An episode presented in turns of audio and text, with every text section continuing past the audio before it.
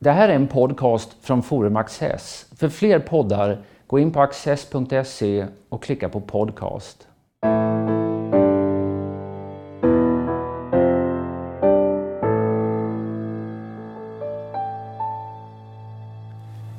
Välkomna till Studio Access och varmt välkommen till Annika Nordgren Christensen som är försvars och säkerhetspolitisk eh, expert och som nyligen har lämnat ifrån sig en utredning om att återinföra, säger en del, eller aktivera, säger andra, värnplikten igen. Vi ska prata en hel del värnplikt men också lite bredare om försvars och säkerhetsläget. Varmt välkommen! Tack så mycket!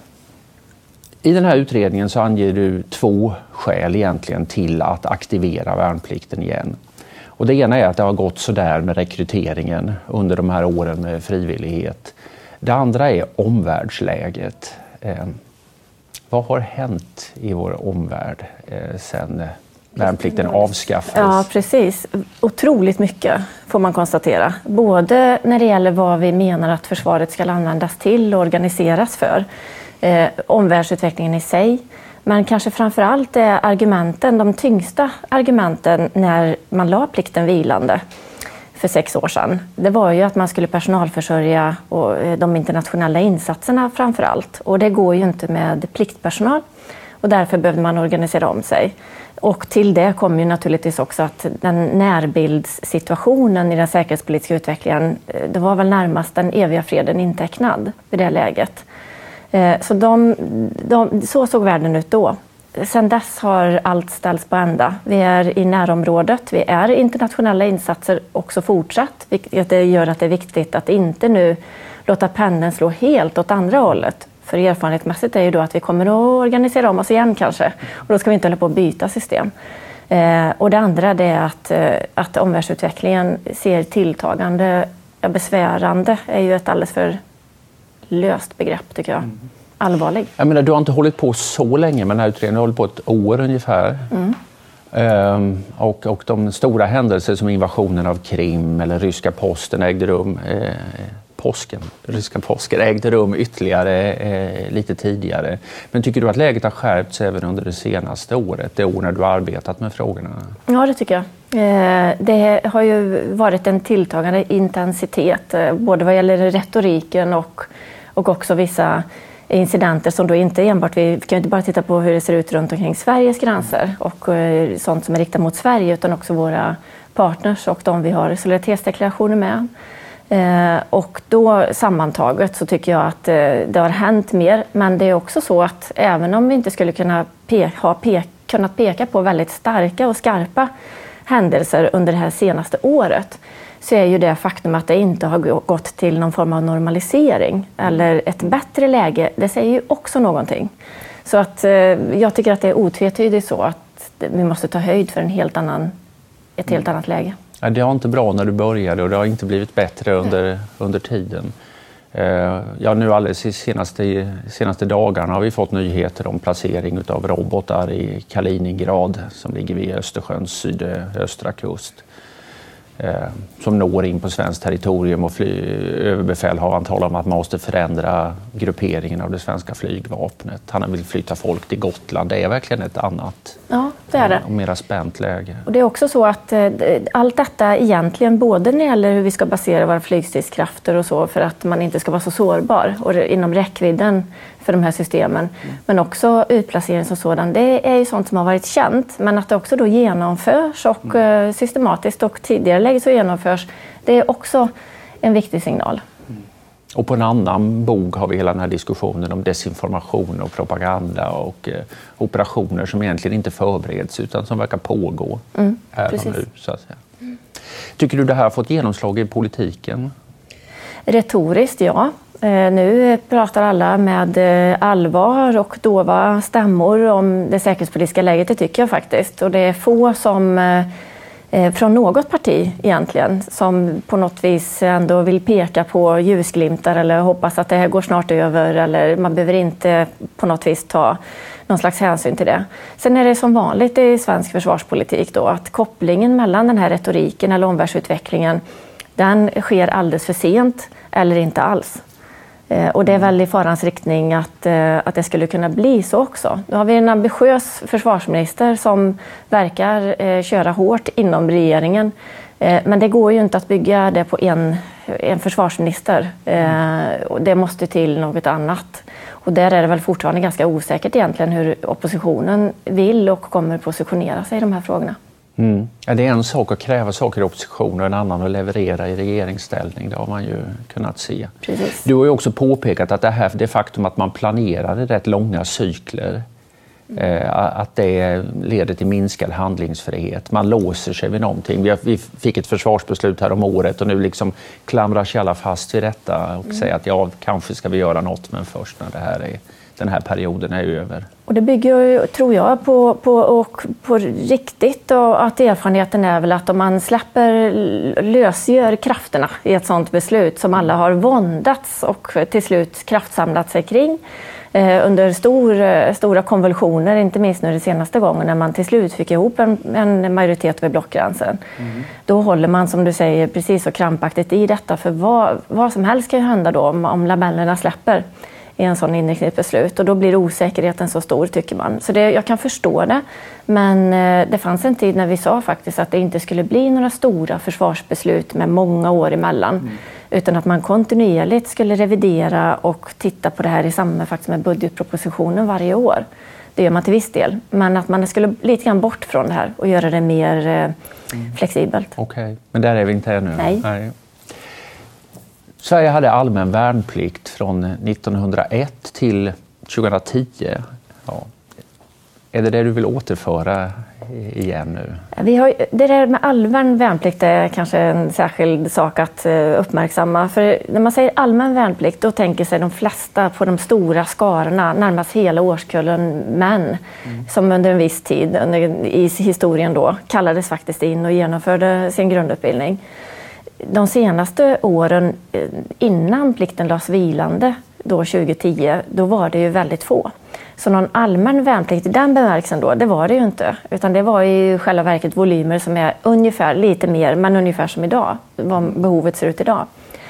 Eh, så att det, det, finns väldigt många drömmar och förhoppningar och skräck och alla möjliga konvulsioner i samband med att man pratar om att återuppväcka plikten igen. Ja, för det finns ju också en, hel del, en stor diskussion om, om att eh, värnplikten ska användas för alla tänkbara, ungefär som en schweizisk armékniv för alla tänkbara olika ändamål och den ska göra karar utav pojkar och den ska ordna integrationen och den ska man ska använda värnpliktiga för stora samhällskriser eller kanske till och med mindre samhällskriser och sånt här. Så det är, men du har inte tagit sådana hänsyn utan ditt arbete syftar till att förse det militära försvaret med personal. Precis. Det, har, det, finns, det väcker upp alla möjliga olika kreativa idéer märker man under arbetets gång. Man har olika behov. Om det sen är uppfostringsbehov eller, eller samhälleliga behov, det har varit väldigt olika.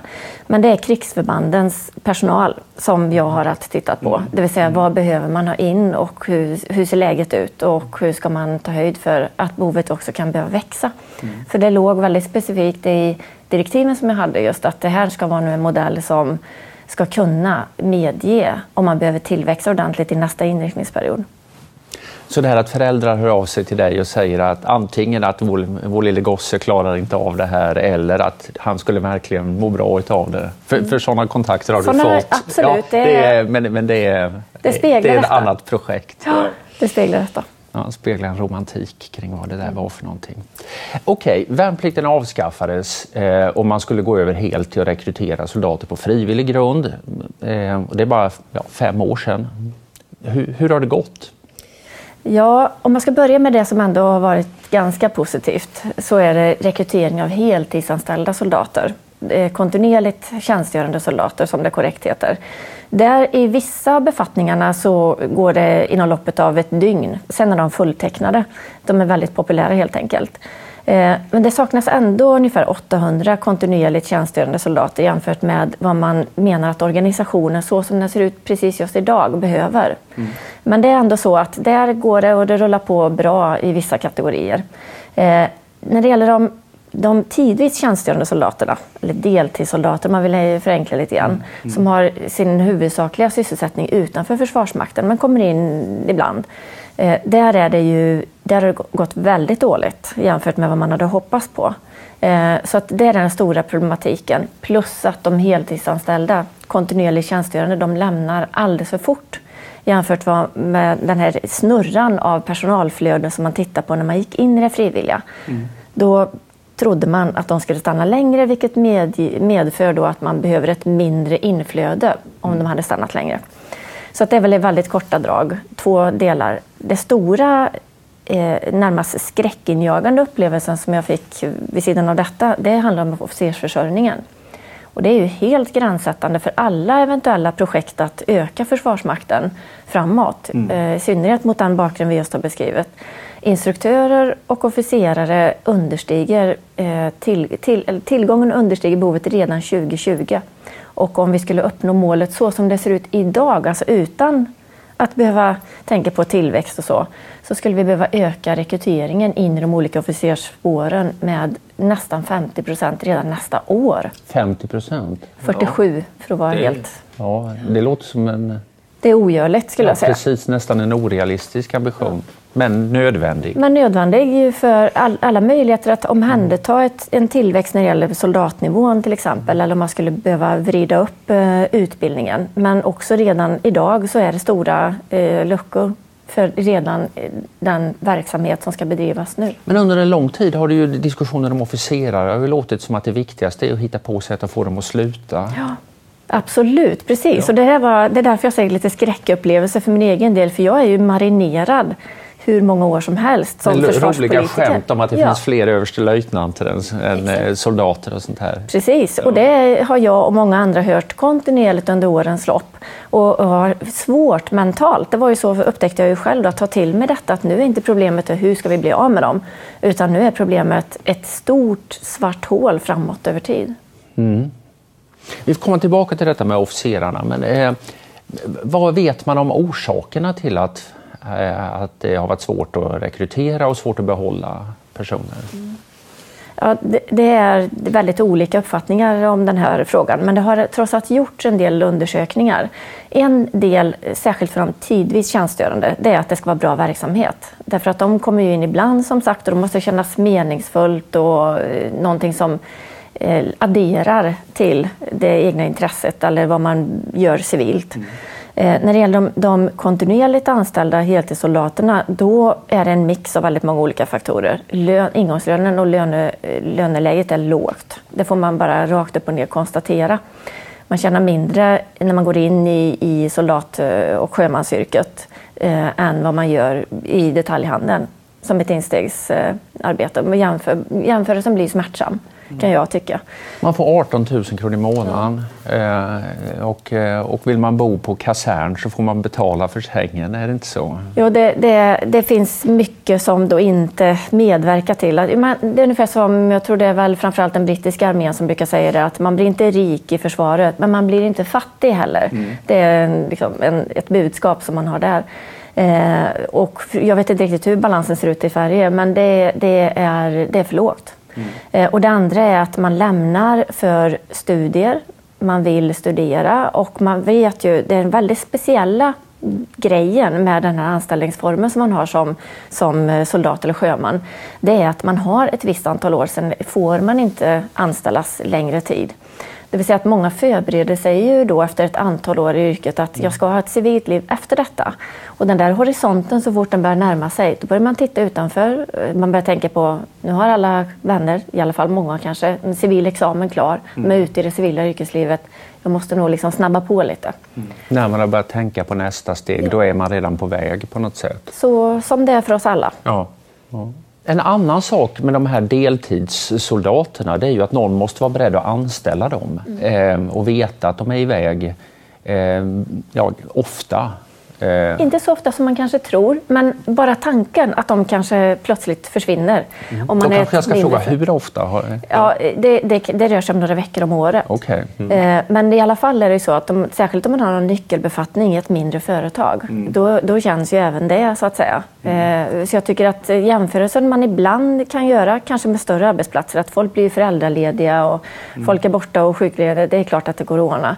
Det gäller för vissa, men inte för alla och inte för alla arbetsgivare. Mm. Kan man säga att det har varit en ogin inställning från eh, näringsliv och statsmakt? Ja, ja, man har varit för dålig runt om Försvarsmakten. Försvarsmakten kan ju aldrig dra en sån här reform själv, mm. eh, utan då behövs signaler och eh, incitament som man hjälper till med utanför Försvarsmakten.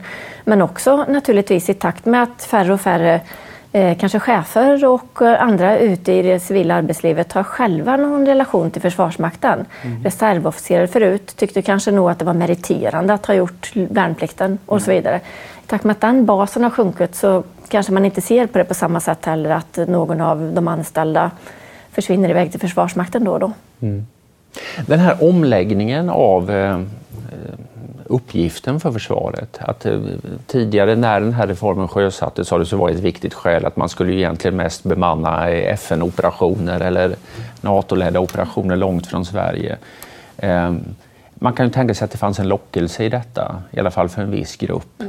Som nu är mycket mindre. Det har, verkar det som det har varit viktigt för rekryteringen också? Ja, jag tror det. Under tidvis så har man ju rekryterats väldigt mycket på just det. Och det är också ett skäl till att eh, en sån sak som lönen och ersättningarna för en del soldater blir ju inte lika stor längre när man inte är ute på insats, för då finns det ju ändå påslag mm. på lönen. Eh, så att jag tror absolut det. Och sen beror det på, det blir ju ett eftersläpp då, beroende på vilket budskap man har när man rekryterar. Vad, föreställningen om vad man ska göra mm. i yrket. Det ändras ju då. Så att just nu har vi säkert ganska många i Försvarsmakten, i den här gruppen, eh, gruppbefäl, soldater och sjömän, som lät sig rekryteras och tyckte att just den här internationella delen var viktig. Och mm. blir det då inte så många eller kanske till och med inte några alls internationella insatser, då kommer den gruppen söka sig från Försvarsmakten tror jag. Mm. När man nu söker mer riktat försvara Sverige, närområdet och så, så kommer man ju ha de förväntningarna på verksamheten och kanske, om det svänger om igen, tycka att det här med internationella insatser, det var inte riktigt därför jag gick in. Så mm. det där är en balansgång, verkligen. Man måste hålla, orka hålla två, två bollar i luften samtidigt fortsatt. Mm vi ska nu inte försjunka allt för djupt i alla dessa siffror om, om, eh, om hur många som behöver rekryteras och hur många som eh, går igenom eh, den grundläggande utbildningen, men lite grann för proportionernas skull i alla fall. Mm. Uppgift ett då kan vara att för att visa hur mycket försvaret har krympt så är det så att du sa att precis mot slutet av värnpliktsperioden då var det inte så himla många fler som verkligen gjorde värnplikt än vad som nu gör grundläggande utbildning i yrkesförsvaret. Men man behöver inte gå längre tillbaka än till 1995. Då var det ändå 25 000 om året som var, som var inne. Och det var ju halva årskullen då i och med att det bara var manlig mm. värnplikt fortfarande på den tiden. Nu vill man ha in 4 000 om året. Så det säger ju något om mm. eh, proportionerna här.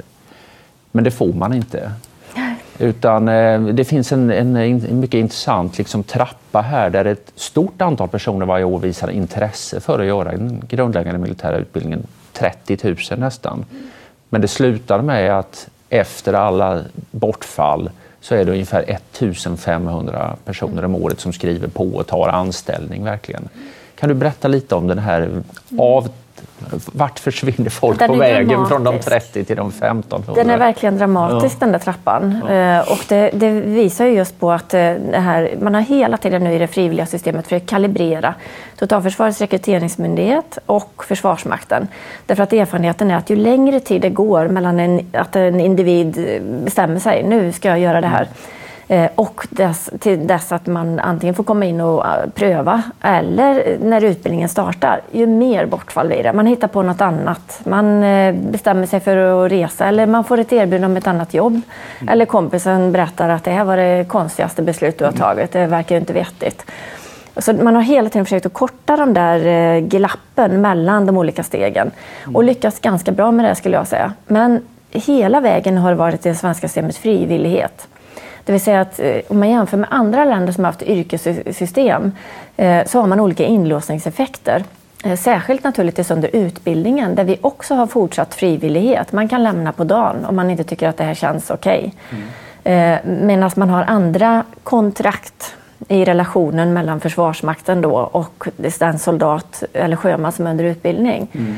Eh, så att, eh, jag skulle säga att det, det huvudsakliga skälet är nog just det att man har svårt att ha sånt tempo i alla steg så att man riktigt fångar in de här individerna. Men också då att man är svårförutsägbar. Eh, det är svårförutsägbart för Försvarsmakten, mm, både då under det här glappet, man tror att ett visst antal är på väg in och så visar det sig att det är 1500 som återstår på något sätt och går in i anställning. Men också att hela utbildningsprocessen blir ju svårhanterlig om man inte riktigt vet hur många man har nästa dag. Man borde ha 4 000 är tanken per år för, för att få ut så många som man vill ha. Eh, men man får bara 2 500 ja. som verkligen börjar och sen blir de här, reduceras till de här 1500 efter utbildningen. Det, det verkar i ditt material som att försvaret ändå gallrar rätt hårt bland de som söker sig till det. är inte ja. bara det avhopp utan man ställer väldigt höga krav också. Så är det. Är den kravprofilen rimlig? Ja, jag tycker att den är det. Jag har inte sett några skäl att... För det, det hade varit ett annat instrument. Mm. Om man säger så här, hur ska vi nu lyckas bättre? Och särskilt eh, när mitt uppdrag har varit att dels eh, fortsatt eh, frivilligheten i, den, liksom, i relationen mellan staten och individen här ska vara mm. fortsatt viktig. Men sen ska man plikta på så att säga, det man inte lyckats åstadkomma den mm. frivilliga vägen. Eh, och då, då tänker jag så här att en modell hade varit att sänka krav mm. för att ha större hov så att säga in. En annan modell är att lägga på incitament. Premier in, flytta premier från den frivilliga delen in i värnpliktssystemet och, och så. Mm. Och då har jag valt det senare. Därför mm. att det är inte lägre krav på soldaten vi kan se framför oss kommer krävas, så att säga, utan mm. snarare kanske egentligen tvärtom. Eh, så att, att, att återföra delar av pliktinstrumentet och samtidigt säga att och nu ska kvinnorna in också, så nu, nu kan vi sänka kraven och vara lite mer avslappnande här i vilka vi får in. Det skulle vara helt fel signal. Vi har en professionell försvarsmakt med anställda soldater och sjömän och naturligtvis också anställda officerare. De kan man inte ta in med plikt. Då måste man locka mm. och det ska vara rätt material, höll jag på att säga. Ja, det får man mm. kanske säga ändå. Rätt mm. material för den, eh, de kategorierna. Vi måste nu också se till att vi får höra hur ditt förslag ser ut. Vad är det som ska hända? Vilka är de viktigaste skillnaderna som du nu föreslår? Det är inte så att hela årskullar ska kallas in, men, men vad kommer att bli annorlunda när ditt system träder i kraft? Det, om, principiellt, om det gör det, ja. precis. Det kräver regeringsbeslut, dessutom väldigt skyndsamt med svenska mått mätt, får man säga, mm. i försvarspolitiken. Eh, den största skillnaden är, och det är väldigt enkelt uttryckt, är att Försvarsmakten kommer garanteras det antal man behöver. Eh, så om det nu är 4 000 så kommer man från och med 2018, när, enligt mitt förslag och tidstabellen då, som den ser ut, så har man pliktinstrumentet på plats. Eh, om det är så att vi behöver växa, så att man med tanke på hur svårt det har varit att rekrytera frivilligt så här långt till de här 4 000, om vi behöver 8 000 eller 10 000 eller vad vi nu kan behöva framåt, mm. så har man ändå garanterat inflöde. Eh, så det är det principiellt viktiga skillnaden modellen ser ut som sån att man, om man gör det enkelt för sig, år ett, så här många får vi in den frivilliga vägen som är intresserade med hjälp av bättre incitament och annat. Skillnaden mellan hur många det var och hur många Försvarsmakten behöver, de kallar man in till mönstring år två. Så differensen mellan de här behovet och de som har anmält sig frivilligt, där fyller man på med plikt. Och då är frågan förmodligen, eh, kan det bli då vem som helst? Eh, är det bara någon som får ett brev hem, en kvinna eller man här som ska infinna sig till eh, Rekryteringsmyndigheten? Nej, det är det då inte. För redan idag så går ett brev ut till alla som är i färd med att fylla 18, killar och tjejer. Mm. Där de bland annat får ange om de är intresserade, skulle vara intresserade av att mönstra och genomföra mm. grundutbildning med plikt. Eh, där upptäcker man ju intressanta siffror. Eh, till exempel att drygt 20 000 individer är både självskattat då, får man mm. säga, men ändå lämpliga, men också villiga och intresserade. Av de 7 000 kvinnor. Mm. Det är naturligtvis i första hand till dem då som man vänder sig och kallar dem till mönstring. Men då är det plikt. Så då får man infinna sig. Och det är mm. samma sak att de tidigare som är frivilliga, de möter de här gemensamt under en grundutbildning då med plikt Eh, det vill säga att nu kan man inte lämna på dagen, men man tar ett medvetet beslut i det frivilliga röret in så att säga. Mm. Jag ansluter mig nu till plikten, så som det var för kvinnorna förut. Mm, just det. Så idén är egentligen två saker. Det ena är att göra det mer attraktivt att ta jobbet. Ja. Och, men samtidigt, och det gör du för, där föreslår du bland annat att man ska få eh, studieekonomiska ja, lättnader. Precis, att man får lägre studielån eller ja, hjälp på ett eller annat sätt med det beroende på hur länge man sen tjänstgör. Mm. Eh, men om det kniper, då kan man bli inkallad. Ja. Hamnar man i fängelse om man inte kommer då? Ja. Ja. Det, så är det då att eh, uppgiften här var att inte ändra lag. Eh, och det är för att det ska kunna gå så fort som man kanske behöver, det kanske behöver göra. Mm. Annars blir det en annan process med lagrådsremisser och riksdagsbehandling och sådär. Så det här sitter regeringen på, detta instrumentet, mm. om man bara håller sig innanför gällande lag. Och då följer hela förordningspaketet med. Det vill säga även då sanktionsmöjligheterna och så, precis som de såg ut förut. Och, eh, jag menar att om man nu tar politiskt beslut om att återaktivera det här, då får man inte stå och eh, darra den mm. dag, för den dagen kommer när man möter, trots vad jag säger om att det finns ett intresse och att det är först bland dem mm. man ska hova, så kommer den dagen när någon ångrar sig på vägen. Och då får försvarsministern och alla andra som har varit med på tåget säga att ja, det är så det blir. Mm. Tror du de vågar detta? De måste göra det för trovärdighetens skull. Eh, nu kommer man, eh, i de här volymerna vi pratar om nu, så mm. kommer man inte behöva vara jätteorolig för det. Men när det möter verkligheten på det sättet, då, då måste man stå upp för de beslut man har tagit. Mm. En del av de som är kritiska mot det här förslaget de menar ju att man borde ha satt, om vi nu inte kan rekrytera tillräckligt många, då får vi betala dem bättre. Mm. Ehm, att du har, inte har gått den vägen, eller alltså, det, kan vara betalning, det kan vara eh, andra förmåner av olika slag, eh, alltså göra det mer attraktivt. Ehm, att du inte har gått den vägen, beror det på dina direktiv eller beror det på vad du bedömer var det lämpligaste? Både och får jag väl säga för att vara helt ärlig. Direktiven ja. sa ju då också tydligt att, eh, att vi, skulle i utredningen titta bland annat på Norge och Danmark som har vad man brukar lite slarvigt kanske kalla mixmodeller då, mellan plikt och anställt försvar. Mm. Eh, men också väldigt tydligt att eh, vi skulle tillskapa en modell där man med, med ökat inslag av plikt då garanterar eh, Försvarsmakten personal. Så att det låg i direktivet. Men under resans gång, för det har varit en resa för mig också som man var med om hela den förra omställningen, mm. så har jag också kommit på att jo, det här är, det är rätt och det är bra. Därför att eh, om vi nu också då ska behöva ta höjd för större volymer mm. så får man börja räkna lite grann på vad hade man behövt betala?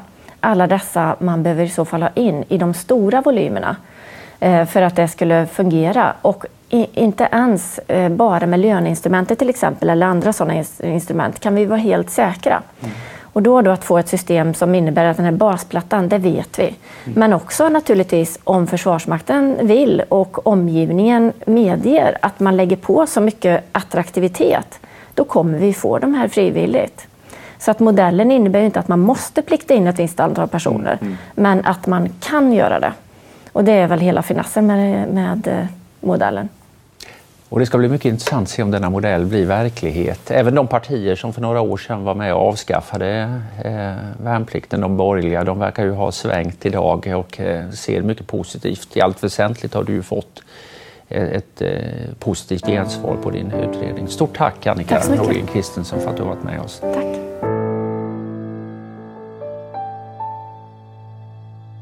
Och här kommer några extra minuter med mig och min gäst. Ett resonemang eh, eller förslag i den här utredningen som du betonar och lyfter fram flera gånger det är så att säga att hela Försvarsmaktens rekrytering av militär personal ska nu gå via det här eh, eh systemet. Kan du utveckla lite grann, vad är poängen med det? Mm. Inför det här, den första stora frågan egentligen som, som vi eh, då i utredningen ställdes inför, det var ju då att en möjlighet att göra detta hade varit att ha två separata system, mm. två rör som aldrig och aldrig mötas, de två ungefär. Att, att man skulle ha ett helt frivilligt rör och sen ett pliktrör. Och sen kanske man till och med hade kört utbildning på olika ställen i landet. Vi hade haft värnpliktsregementen och andra regementen med rekryter. Mm. Eller enkelt uttryckt då, för att illustrera att det hade nog blivit eh, liksom skillnader hela vägen. Mm. Förutom problematiken med vad som snabbt kanske skulle kunna bli A och B-lag och andra eh, kulturfrågor i Försvarsmakten så hade det också blivit så att även om, om man hade en situation där man ändå försökte få ihop och träna hela förband, vilket till exempel försvarsberedningen har varit noga med, så skulle man alltså ha två kategorier framför sig som befälet. Att, och en kunde sagt nu går jag hem, för det här mm. var skit. Och den andra kategorin vill ha medinflytande timma därför att den individen kan inte alls avvika. Och med allt vad det innebär, kanske också av olika ersättningar och förmåner, så skulle vi då tycka, och vi tyckte ganska snart, att nej, det går inte. Mm. Utan då måste de här, oavsett hur man har kommit in och när i, i vilket led i processen, så möts alla då under en grundutbildning under värnplikt. Det vill säga hela tratten in i Försvarsmakten går genom att man har gjort värnplikt. Har alla samma ersättning under den perioden? Då? Ja, det... Oavsett om man ska ta jobb eller om man ska... Ja. ja, det är en finess också. För jag vill inte medverka till den här känslan att nu tar vi ett steg tillbaka. Nu kan vi ha det billigare, vi sänker krav eh, och allt annat som man kan kanske i alla fall teoretiskt fantisera om det skulle innebära när man har pliktinstrumenten på plats. Utan mm. precis tvärtom tycker jag. Och då innebär det för vår del att vi höjer dagersättningen i pliktsystemet till det som har gällt nu för rekryterna i det frivilliga. Och vi har kvar en sån sak som utbildningspremien som mm. innebär även då för när det blir plikt. Och det hade man inte behövt betala för de, som sagt, man får dem ändå. Men för att understödja det här att man ska vilja så ska allt sånt ligga kvar. För det kanske man också ska betona då att de här 18 000 kronorna som man får i lön, det, det får man inte under den grundläggande militära Nej. utbildningen utan då har man mer liknande den här dagpenningen som fanns då i lumpen man, förr i tiden. Precis, då ja. har man dagpenning, man bor då på logement och har mm. mat och allting och hemresor fritt och så. Så att, eh, det, det, är inte så dåligt faktiskt under ett år. Men sen framförallt om man gör en, en grundutbildning på ungefär nio månader, då har man 40 000 kronor efteråt. Mm. Och det kommer man då ha kvar också i detta system system. All right. En mer teknisk aspekt på detta det är ju att i det nya upplägget för Försvarsmakten så är ju den eh, höll jag på att säga, folkrikaste delen är ju hemvärnet. Men du vill att alla hemvärnsmän också ska gått igenom den här grundläggande militära utbildningen? Ja, det gör de redan idag, fast inte fast riktigt samma. Den är kortare. Ja. Och den kommer behållas. Som att det är kortare? Ja. ja Okej, okay. för alltså, annars eh, fick man intrycket att det kunde bli rätt svårt att försörja hemvärnet med Absolut. personal. Ja. Så är det. Och det är väl faktiskt värt en liten extra mässa på just det temat. För att hemvärnet är helt nödvändigt för att de anställda förbanden ska kunna operera som tänkt och skydda en beredskapshöjning till exempel. Mm hela gråzonsproblematiken med skyddsobjekt och allt vad vi kan föreställa oss nu ökar i betydelse. Mm. Men problemet är att hemvärnet, som vi alla tror jag har hört, de rekryterar som tåget. Putin är den bästa rekryteringsinsatsen för hemvärnet på urminnes tider. Ja, det är sant, men det är de tidigare värnpliktiga man rekryterar. Så det här värnpliktsmagasinet, det är inte genom den här som du nämner direktutbildningen till hemvärnet, den korta, nya individer som, som kommer in den vägen, utan mm. det är tidigare värnpliktiga. Mm. Och de är i allmänhet lite äldre. Det, alltså lite det här att ta steget in i hemvärnet, om jag förstår dig rätt, det, det, det gör man mellan 35 och 40, liksom, eller i, i den stilen. Ja. Men även de tar ju slut så småningom eh, när kullarna minskar. Så är det. Ja. Och vi har en situation där vi faktiskt, om vi inte gör någonting, jag tror att det är ett svar på den här frågan om att alla partier nu ändå, de värjer mm. sig inte mot detta. Och jag tror att det beror på att om man tittar på de olika storheterna nu så är de flesta medvetna om att ja, någonting måste göras och man har mm. inte riktigt några egna förslag som ett alternativ. Mm. Eh, och en av de eh, stora och extremt allvarliga sakerna är att utbildningsreserven är helt raderad under nästa inriktningsperiod om man inte vidtar några åtgärder. Vad är utbildningsreserven? Tidigare värnpliktiga hamnar mm. där. Mm. Eller gamla värnpliktsmagasinet som då hemvärnet rekryterar ut till exempel. Mm. Det innebär att då har inte hemvärnet någon sån rekryteringsbas mer. Och vi har inte någon personalreserv om vi behöver kriga och tar förluster. Mm. Och vi kan inte ha en retorik som går ut på att nu är läget så allvarligt så att vi kan behöva vara insatta i närområdet, för även försvara Sverige. Mm. Och samtidigt raderar vi en personalreserv som om vi inte behöver planera för ett krig. Mm.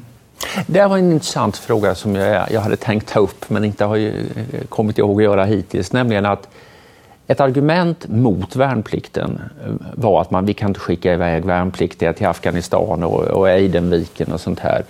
Eh, men du eh, menar att det är okej att använda värnpliktig personal utomlands under förutsättning att det handlar om det nationella försvaret. Är det korrekt uppfattat? Ja, så ser regelverket ut. Det vill säga att finns det en koppling till eh, att det handlar om försvar av Sverige och att beredskapen är höjd, för det är ju det som gör att Försvarsmakten har motvilligt behövt tänka om därför att man har en större och lättare dragningsrätt på de anställda. Det kan ÖB säga att nu åker vi till Gotland och är där eh, istället för om vi bara hade haft värnplikt. Det är också därför det är så viktigt att ha ett anställt försvar fortfarande. Mm. Men en annan dimension detta det är just då att tidigare så argumenterades det som om det var helt vattentäta skott mellan nationellt försvar och att man kunde agera snett utanför gränsen i alla fall. Mm. Och det menar vi att det måste man då också göra upp med därför att vi har åtaganden. Det hade inte varit trovärdigt heller relativt våra mm, till exempel Finland och andra länder som vi har sådana samarbete med. Om vi sa att ja, men vi stoppar precis vid gränsen, då kan vi inte ha några hela förband i den här verksamheten längre. Så, så fort den, och den är inte, man ska inte missta sig och tro att nu kan man ändå skickas till, eh, Eh, till Mali för att ersätta eller rotera förband där. Så är det alltså verkligen inte, så det ska man inte tro.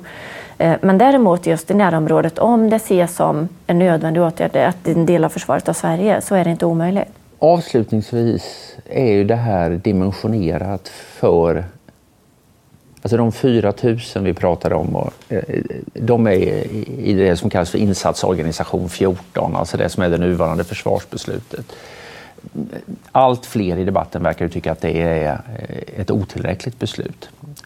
Och om vi antar att det uppstår en uppfattning att, att det är på det sättet och vi behöver skala upp. Fungerar din modell för det också? Ja, det är själva, inte bara, men en, det är en stor del av finessen med det. Mm. Därför att då, då kommer relationen mellan de här frivilliga som söker sig självmant och helt frivilligt hela vägen in i Försvarsmakten, ska vi säga. Mm. Då kommer den andelen förmodligen vara mindre i större volymer och fler kommer att då hittas i beredskapsunderlaget, alltså de som har angett att de är intresserade. Mm. Men sluta, tar, det, tar även de slut, eh, då kommer hela kvinnor och män, årskullen naturligtvis eh, i så fall, eh, kunna beröras. Mm. Och då ser relationen annorlunda ut, men de kommer till Försvarsmakten med plikt. Och sen den här 64 miljoner dollars frågan då, är, det är ju vem ska utbilda de här? Därför att det är, du nämnde det inledningsvis här, att det är kanske ännu större problem när det gäller rekryteringen av officerare.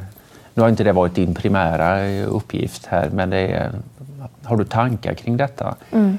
Det är ju en mycket liten grupp som nu söker sig till officersutbildningen, i storleksordningen 100 personer om ja. året. Ja, om de lämnar eh, för tidigt och man, eh, det, det är misslyckande på olika sätt. Mm. Och det är helt riktigt så att utredningens uppgift var inte att titta på som steget hur till exempel ska utbildningen organiseras för officerare. Mm. Det, det, blir en kommande historia för regeringen och de inblandade att, att ta i. Men utredningen har en, absolut en koppling till officersförsörjningen i det att en sak har ju varit att rekryteringsbasen har varit alldeles för liten. Man måste ju ha gjort sin grundläggande militära utbildning mm. för att kunna komma i fråga. Och då, precis som vi nämnde tidigare, att om man då behöver 4 000 men generellt då över åren har fått 2 500 så är det som ett litet sugrör in i officersförsörjningen bland de här 2 500. Eh, så att volymen i sig, som jag då kan vara med och liksom bidra till, det är mm. en sån sak. Och det andra är att vi behöver förmodligen aspirantskolor, det vill säga att man tar ut med befälsskattning, ungefär som det tidigare systemet i den delen, mm. För att eh, smörja de här individerna hela vägen och sen har man en plats på officersprogrammet om man är eh, godkänd naturligtvis av sin utbildning. Eh, så att vi behöver liksom flera vägar in och en större rekryteringsbas. Och det försöker vi trycka ganska noga på i utredningen att eh, här måste åtgärder vidtas. Verkligen. Ja, det är verkligen det intryck man får. Tack så hemskt mycket. Tack.